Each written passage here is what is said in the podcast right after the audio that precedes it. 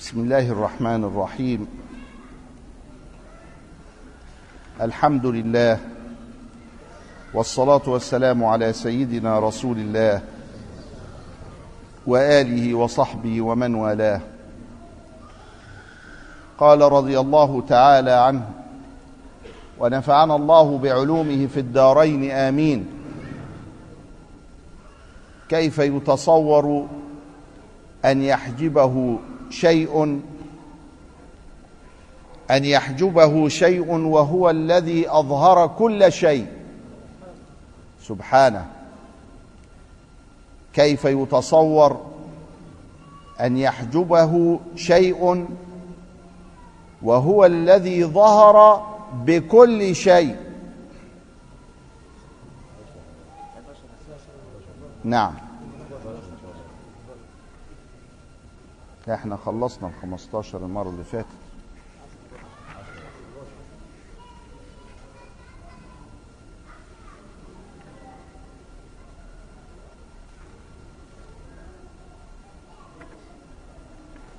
طيب. إحنا خلصناه في العشيرة. طيب. قال ادفن وجودك في أرض الخمول. فما نبت مما لم يدفن لا يتم نتاجه. ادفن وجودك في أرض الخمول. البذرة عندما تدفنها في الأرض وتحسن دفنها ثم يأتيها الري بالماء تنبت. وينتج منها نتاج وثمرة وزرع. لكن لو أنها كانت على الأرض غير مدفونة تدوسها الأقدام أو تذروها الرياح أو يأتي الماء فبدلا من أن يطعمها ويسقيها يأخذها ويجرفها. ولذلك إذا أردنا أن نصل إلى حصول الثمرة فلا بد من أن تدفن نفسك. تجعل نفسك تحت رجليك. في أرض الخمول الخمول ضد الشهرة وليس ضد النشاط. اللي ضد النشاط إيه؟ الكسل. أعوذ بك من العجز والكسل مما استعاذ منه رسول الله صلى الله عليه وسلم العجز والكسل لأنه يريد أن ينشط في عبادة الله ويريد أن يكون صاحب همة فيها والعابد لا يقصر نفسه على الخمول الذي بمعنى الكسل. الناس فاهمة الخمول إنه بمعنى الكسل لا ده الخمول ضد الظهور والكسل ضد النشاط. ادفن نفسك أو ادفن وجودك في أرض الكسل؟ لا والكسل عسل ابدا ادفن وجودك في أرض الخمول. يقال هذا رجل تقي خفي. تقي خفي. إذا طلب لم يوجد وإذا غاب لم يفقد. محدش يسأل عليه مش واخدين بالهم منه. أدي الخمول. البعد عن مراءاه الناس وعن التصدر بغير حق. وعن أن تظهر هكذا فجأة وتنسب إلى نفسك ما ليس لك.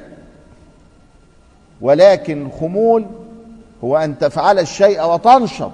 ولكن لله مخلصا لله لا تريد من أحد جزاء ولا شكورا. ادفن وجودك في أرض الخمول. إذا دفنت وجودك في أرض الخمول وجدت ثمرة ذلك في قلبك. والراجل هنا بقى بيقول لنا إيه سيدنا الشيخ ابن عطاء؟ بيقول لنا الخطوات اللي إحنا نتخذها حتى نصل إلى السير في طريق الله سبحانه وتعالى. فأول شيء إخفاء الأعمال الدخول في أرض الخمول. ادي أول شيء. وحتى تطمئن قلبك أن ما تفعله صحيح وحتى تعلم علامة صحته فإنه علله لك وسببه وبين ما الذي سيترتب عليه. فقال فما نبت مما لم يدفن لا يتم نتاجه. البذرة اللي على وش الأرض راحت خلاص ضاعت مننا. لكن البذرة اللي دفناها في الأرض الطيبة تنبت سبع سنابل وكل سنبلة فيها مئة حبة والله يضاعف لمن يشاء. قال رضي الله تعالى عنه ما نفع القلب مثل عزلة ما هو بيقول لك في الخمول وبيقول لك عدم الظهور وابعد عن الناس وما ترأيش وحرر هذا في خمول وليس فيه كسل. يبقى في نشاط. علشان الناس اللي بتقرأ وما تفهمش وتتهم أهل الله بانه من أهل الكسل. كسل إزاي؟ إذا كان رسول الله صلى الله عليه وسلم استعاذ من العجز ومن الكسل. ده الكسل ده حاجة وحشة. طب أمال إيه الخمول؟ عدم الظهور عدم التصدر عدم مراءة الناس. يبقى تعزل نفسك. العزلة نوعين عزلة بالجسد وعزلة بالقلب. العزلة بالقلب يسموها الخلوة في الجلوة. خلوتك في جلوتك. يعني إيه في جلوتك؟ أنت قاعد قدام الناس كده وسطيهم. يبقى دي الجلوة. وانت قلبك شغال مع الله. ادي الخلوة. وساعات تبقى الخلوة بالجسد. اني أروح اقفل على روحي حتة كده واعتزل الناس علشان اخد اشحن البطارية بتاعتي. مش هعتزل على طول. كان يتحنث في غار حراء الليالي ذوات العدد. ما كانش على طول. ثم ينزل لاهله فيتزود. ولم يمنعه ذلك من التجارة ومن السعي ومن النشاط في الحياة الدنيا صلى الله عليه وسلم. ففي خلوة زي خلوة غار حراء ماشي؟ وفي خلوة في الجلوة. أحب الأعمال إلى الله. سبحة الحديث. قال وما سبحة الحديث يا رسول الله؟ قال الرجل يسبح والناس يتكلمون. قلبه معلق بالله لدرجة انه هو ظاهر في وسطهم إلا أن قلبه في خلوة. ما نفع القلب مثل عزلة يدخل بها ميدان فكرة. التفكر قلنا وإحنا في منازل السائرين أنه من أهم علامات الطريق إلى الله. الذين يذكرون الله قياما وقعودا وعلى جنوبهم ويعملوا إيه؟ ويتفكرون في خلق السماوات والأرض. ربنا ما خلقت هذا باطلا سبحانك فقنا عذاب النار. قاعد يفكر يفكر في الكون ويفكر في خالقه ليس في ذاته فإن الفكر في الذات إشراك. لكن في آلائه وآثاره ونعمه وأوامره ونواهيه ومآلات عبيده في الدنيا ما نفع القلب مثل عزلة يدخل بها ميدان فكرة. فلا بد عليك حتى تستطيع أن تدفن وجودك في أرض الخمول أن تبدأ في دخول قلبك عزلة يستجم فيها من التعلق بالناس وبالأشياء وبالأشخاص وبالأفكار ويسبح مع الله في كونه تهيئة لسلوك الطريق إليه. يبقى اذا ده بيدينا الخطوات أهي. ادفن نفسك في أرض الخمول. فكأن أحدهم سأل كيف؟ قال اعزل قلبك. آه دي الخطوة اللي أقدر بيها أدفن نفسي ووجودي في أرض الخمول. قال رضي الله تعالى عنه ونفعنا الله بعلومه في الدارين آمين. كيف يشرق قلب؟ واحد بيقول له طب ليه؟ ليه نعتزل علشان ندفن نفسنا في أرض الخمول علشان ننتج هو هتحصل إيه؟ قال له قلبك هيبقى مراية للأنوار. كل كل حكمة بتجاوب على الخطوة اللي هتعملها من الحكمة اللي قبليها. فبيقول لك كيف يشرق قلب؟ يعني الحاجات اللي بقولها لك دي لو نفذتها قلبك هيشرق بالأنوار. لكن لو جبنا المراية ودهناها دهان أزرق وأصبحت عاتمة تبص لها ما تشوفش فيها وشك. ما خلاص الصقل بتاعها راح. بالدهان ده فأنت بتعمل في قلبك كده لما بتدخل الدنيا فيه وبتخلي مراية القلب مش عارفة تعكس حاجة ولا يشرق فيها شيء. حتى لو النور نزل فيها يبقى نور باهت تحس بحرارته بس كده وما تحسش بضياءه ولا نوره ولا تفجره. كيف يشرق قلب صور الأكوان منطبعة في مرآته. كيف يشرق قلب؟ صور الأكوان منطبعة في اكوانه في في مرآته المرآة بتاع القلب. أم كيف يرحل إلى الله وهو مكبل بشهواته؟ متسلسل يا عيني بالسلاسل الحديد في الأسطوانة دي. وبنقول له امشي. ألقاه في اليم مكتوفا وقال له إياك إياك أن تبتل بالماء. هيطوعه؟ هيطوعه فين؟ ما هو رماه في الماء. زي واحد رمى واحد تاني من شاهق. شاهق يعني منارة المسجد كده. طلعنا فوق ورحنا رامين واحد من فوق. وهو نازل نازل خلاص بجاذبية الأرض بقى. فاللي رماه قال له إيه؟ أو أقول لك اطلع. اطلع فين؟ هيطلع فين؟ طب يعني فبص له كده قال له يا ظالم اطلع فين أنا؟ أنا نازل على جدور رقبتي دلوقتي. فالإنسان شوف بتعمل في روحك إيه؟ لما تسلسل نفسك بالشهوات. وبعدين تدعي أنك تريد أن تذهب إلى الله. ربنا ما يحبش الشريك. خلاص يا الشهوات يا ربنا. اختار اختر. فإذا لم تختر هتبقى متناقض مع نفسك مش صادق. وربنا يحب الصادق. كيف يشرق قلب صور الأكوان منطبعة في مرآته. طبع فيها نوع من أنواع النجاسة. طبعه منطبعة شوف التعبير. يبقى كأن القلب متنجس.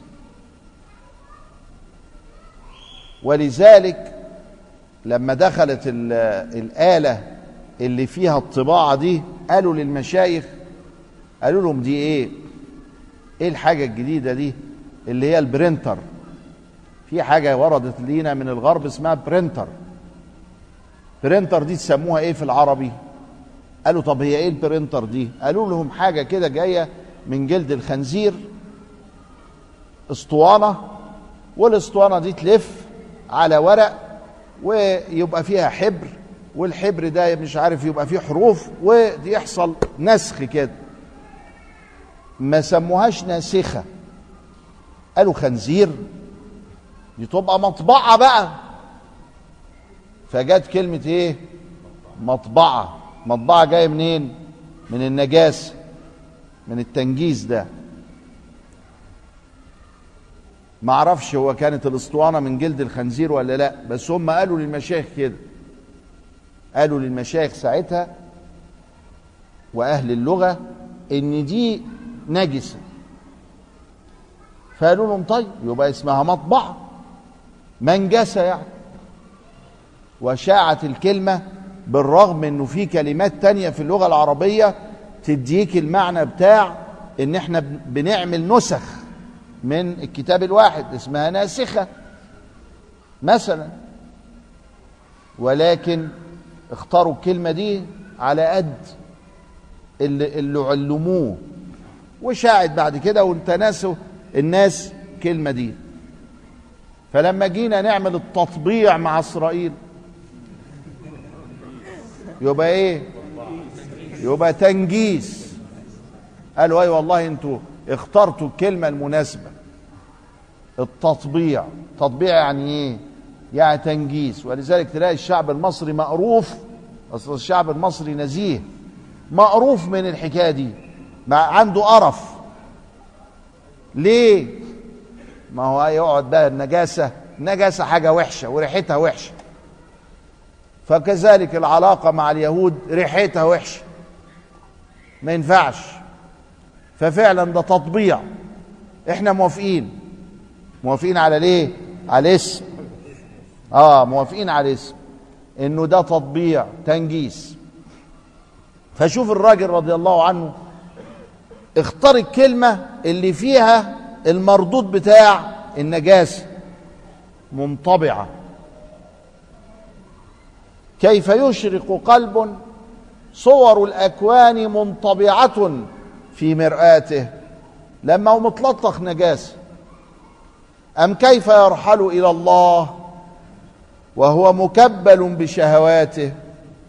أم كيف يطمع أن يدخل حضرة, حضرة الله وهو لم يتطهر من جنابة غفلاته؟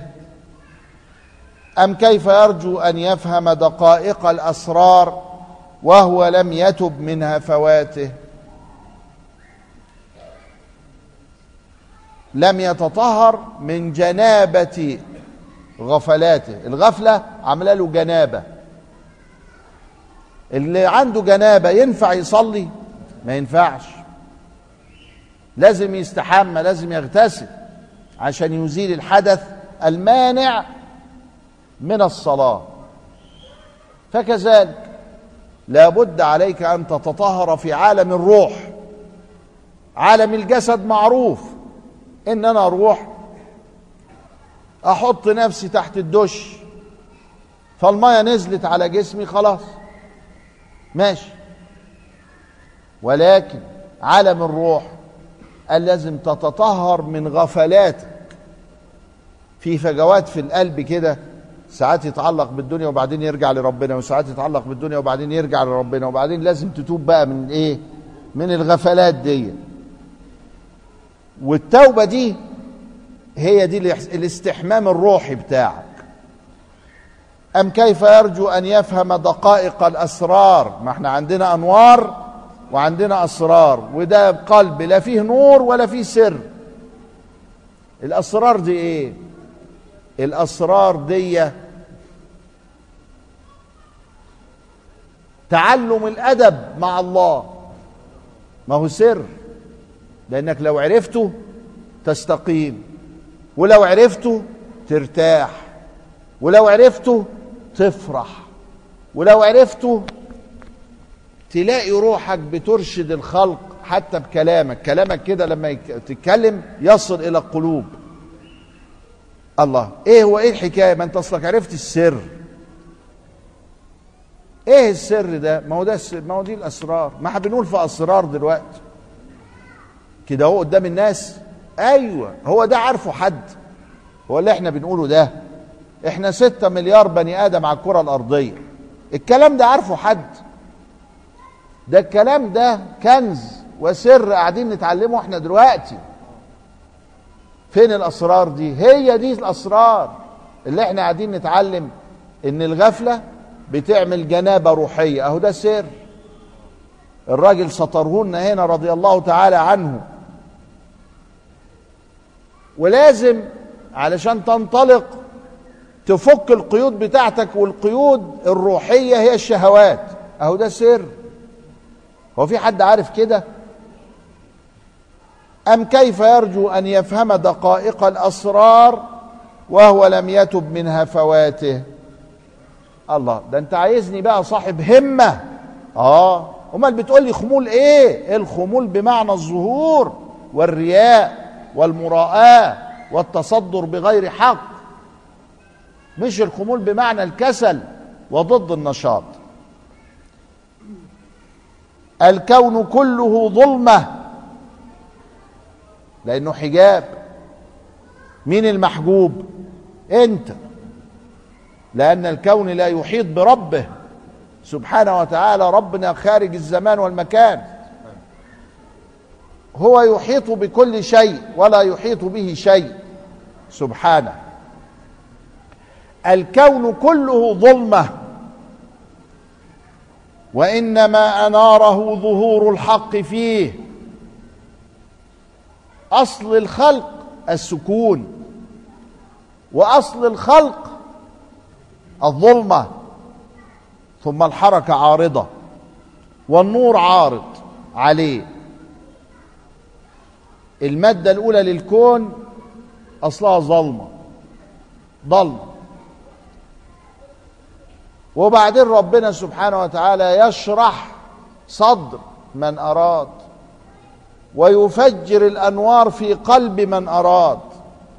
فإذا ظهر الحق سبحانه وتعالى والحق اسم من أسمائه تعالى فإنه ينير ما حوله من الأكوان.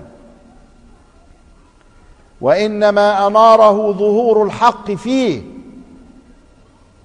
طب أنت نسيت ربنا فأصبح الكون أمامك من غير ربنا من غير ربنا في قلبك يعني من غير ربنا في نفسك وروحك من غير ربنا في عقلك ووجدانك. من غير ربنا في عملك. ياه دي تبقى الحجايه ضلمة قوي. واحد من كبار الملاحدة اسمه هيكسلي. لما كبر في السن ومعرف الحكاية دي. ما هو في فطرة جوه الإنسان ربنا خلقها. فقال الله ضرورة اجتماعية. يعني الدنيا سودة من غير الله. لازم نقول إن في ربنا على اعتقاده الفاسد الكاسد الملحد حتى لو ما كانش فيه. شوف العتلية وما أسلمش ولا آمنش ولا عملش حاجة. ده كافر ومات كافر. بس شوف ربنا قهره إزاي وخلاه ينطق بشعور غريب. أنه رأى ظلمة الكون. حيث لا يوجد فيها الله. لما فاضل يقول ما فيش الله ما فيش الله ما فيش الله الدنيا اظلم أظلمت في وجهه. فقال يا اخوانا ما إحنا نقول في الله حتى لو ضحكنا على نفسنا. الله ضرورة اجتماعية. إحنا بنقول له يا مغفل ده الله أظهر من الأكوان. ده عمى قلب إيه ده؟ ما انت شايفه يا ولد يا هكسلي مش شايفه؟ ده ربنا أظهر من هذه التفاهات التي حولنا. ولذلك قالوا للعارفين أقم الدليل على وجود الله. قال له أقم الدليل على عدم وجوده. هو ده عايز دليل؟ ولا يصح في الأفهام شيء إذا احتاج النهار إلى دليل. لما في نهار بعدين بقول لك إيه إثبات؟ إثبت لي إنه في نهار. إيه ده؟ ده عبث ده شمس في رابعة النهار. تقول لي إن أثبت النهار. نهار إيه؟ نهارك مش فايت. على طول تقول له كده لأنه ده سقط معه التخاطب. ولا يصح في الأفهام شيء إذا احتاج النهار إلى دليل. قد تنكر العين ضوء الشمس من رمد. يبقى في رمد مصاب بيه لما تقول أنا مش شايف أنا الدنيا ضلمة في وشي وإحنا في النهار. يبقى أنت اللي غلطان. وينكر الفم طعم الماء من سقم تبقى مريض. لما تلاقي المية مرة في بقك يبقى عندك أنفلونزا. لكن المية مش مرة ما أنا بشربها وغيرنا بيشرب كلنا بنشربها سليمة. أنت اللي بتشربها وما أنتش متلذذ بطعمها. يبقى إذا في حاجات ما تحتاجش الدليل من ضمنها الدليل على وجود الله. يا سلام. لا الدليل على عدم وجوده. ده الله أظهر من الكائنات. فالكون كله ظلمة وإنما أناره ظهور الحق فيه. فمن رأى الكون ولم يشهده فيه أو عنده أو قبله أو بعده فقد أعوزه وجود الأنوار وحجبت عنه شموس المعارف بسحب الآثار. الآثار اللي هي الحيطان دي والأرض والسماء والناس والكون اللي حوالينا عمل غباره يا عيني على قلب اعمى القلب ده فما شافش حاجة من ورا الغبار. وراحوا قالوا قاعدة مهمة. فقدان الوجود الوجدان لا يلزم منه فقد الوجود. يعني أنت مش شايف يبقى معناه إنه مش موجود؟ ابدا فقدان الوجدان ما عنديش وجدان ما اناش لاقي ما عرفتش الحكاية دي ما شفتهاش. ما رحتش لندن يبقى ما فيش لندن؟ واحد ما راحش يحج في مكة يبقى ما فيش كعبة؟ ده لا يقول بذلك عاقل لا يقول بذلك عاقل. فلما انت ما شفتش سلم لأقوام رأوه بالأبصار. آه سلم يا اخويا لأنك أنت ما شفتش لعجز فيك ونقص قائم بك. شوف شوف الكلام. إحنا بنتكلم دلوقتي قبل ما نوصل للحكمة اللي بعدها وبنقول إيه؟ سلم وده موجود بالرغم إن هو ما أنتش شايفه إلا إنه موجود أول درجة. تحس كده إنه موجود. اعبد الله كأنك تراه فإن لم تكن تراه فهو يراك. يعني يقول طيب أنا مش قادر أحس الإحساسات الكبيرة بتاعتكم دي بس هو موجود. كده. ابدأ خطوة. قوم يقول لك إيه؟ كأنه شايف إنك حيران وعايز يطمن قلبك. مما يدلك على وجود قهره سبحانه أن حجبك عنه بما ليس بموجود معه. الكون ده كله ده فاني ده شريط سينما. ده لا شيء مع وجود الله. وجود الله لا أول له وهذا الكون له أول. وجود الله قائم بذاته وهذا الكون قائم به تعالى. وجود الله لا نهاية له وهذا الكون له نهاية ويفنى. وجود الله سبحانه وتعالى واحد أحد وهذا الكون متعدد. وجود الله لا يطرأ عليه فساد وهذا الكون يطرأ عليه الفساد. بالحياة والموت والهلاك والفناء وهكذا. من عرف نفسه بالاحتياج عرف ربه بالقدرة. لأن الله سبحانه وتعالى قيوم السماوات والأرض.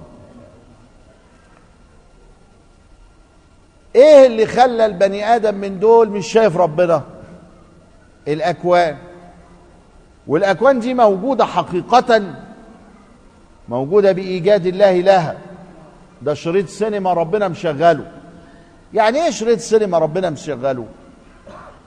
الهيئة اللي إحنا قاعدين فيها دي في مدد من عند الله زي الضوء اللي على الشاشة بتاعت السينما. يعني كل لحظة محتاج لاستمرار الآلة حتى تظهر الخيالات على الشاشة. لو قفل المكنة إيه اللي هيبقى على الشاشة؟ ولا حاجة. فلو ربنا قطع عنا إمداد الخلق هنفنى مش نموت. نموت يبقى لسه مبقي جسمنا. ناس تانية تيجي كده وتلاقينا متنا. لا مش كده. ده نفنى نبقى لا شيء. الله يعني هو أنا دلوقتي غير لما جلست على الكرسي في أول الدرس؟ آه. يعني أنا بتخلق كل شوية كل فيمتو ثانية. لا أقل من فيمتو ثانية بمليون مرة. بتخلق تخلق تخلق. كل يوم هو في شأن لا يزال سبحانه وتعالى خالقا. مش خلق وساب الدنيا كده تمشي لوحدها. ده أمدها بمدد من عنده. إيه ده؟ يعني أنا لا أملك أن أحافظ على نفسي؟ لا. ده المدد هو اللي بيعملها. يعني لا حول ولا قوة إلا بالله. لا حول ولا قوة إلا بالله. يبقى أنت ضعيف ولا قوي؟ آه وخلق الإنسان ضعيفا. يبقى أنت ليك حول وقوة ولا لا حول ولا قوة إلا به؟ يبقى أنت نوكلك لنفسك طرفة عين. طرفة عين دي يعني نص ثانية ولا ربع ثانية. لكن ده بيعملك فيمتو ثانية. فلو أوكلك لنفسك طرفة عين يعني هيسيبك مدة كبيرة. تفنى. مش هتموت. ده انت هتفنى. ده انت هتتلغي من الكون. فاللهم لا تكلنا إلى أنفسنا طرفة عين. ولا أقل من ذلك. شوف شوف الكلام. الكلام كلام متين قوي. جاي منين؟ من إنه لا حول ولا قوة إلا بالله كنز من كنوز العرش. أدي سر. في حد عارف إنك وأنت ماشي كده؟ في شعاع بيخلقك كل شوية بإذن الله وخلقه و... و... وإرادته؟ ده أنت لو عرفت كده ما تعرفش تعصي. ده أنت لو عرفت هذا وتذكرته ما تعرفش تنسى ربنا. ولا تعرف إلا أن تلتجئ إليه وأن تخبت وتخضع له سبحانه وتعالى وتكون ملك طوعه. لو كنت حقا حبه لأطعته. إن المحب لمن يحب مطيع. إذا دي عقيدة بتساعدك على العزلة التي تؤدي إلى الفكرة. تساعدك على دفن وجودك في أرض الخمول حتى تنبت منك الزرعه الصالحه لله تساعد على إزالة من طبع في قلبك من صور الأكوان حتى يشرق بالأنوار وحتى تتنزل فيه الأسرار مما يدلك على وجود قهره سبحانه وأنه لا إله إلا هو وأنه لا رب سواه وأنه لا حول ولا قوة إلا به وأنه قاهر فوق عباده وأنه يفعل ما يشاء ويختار وأنه فعال لما يريد وأنه لا يسأل عما يفعل وهم يسألون.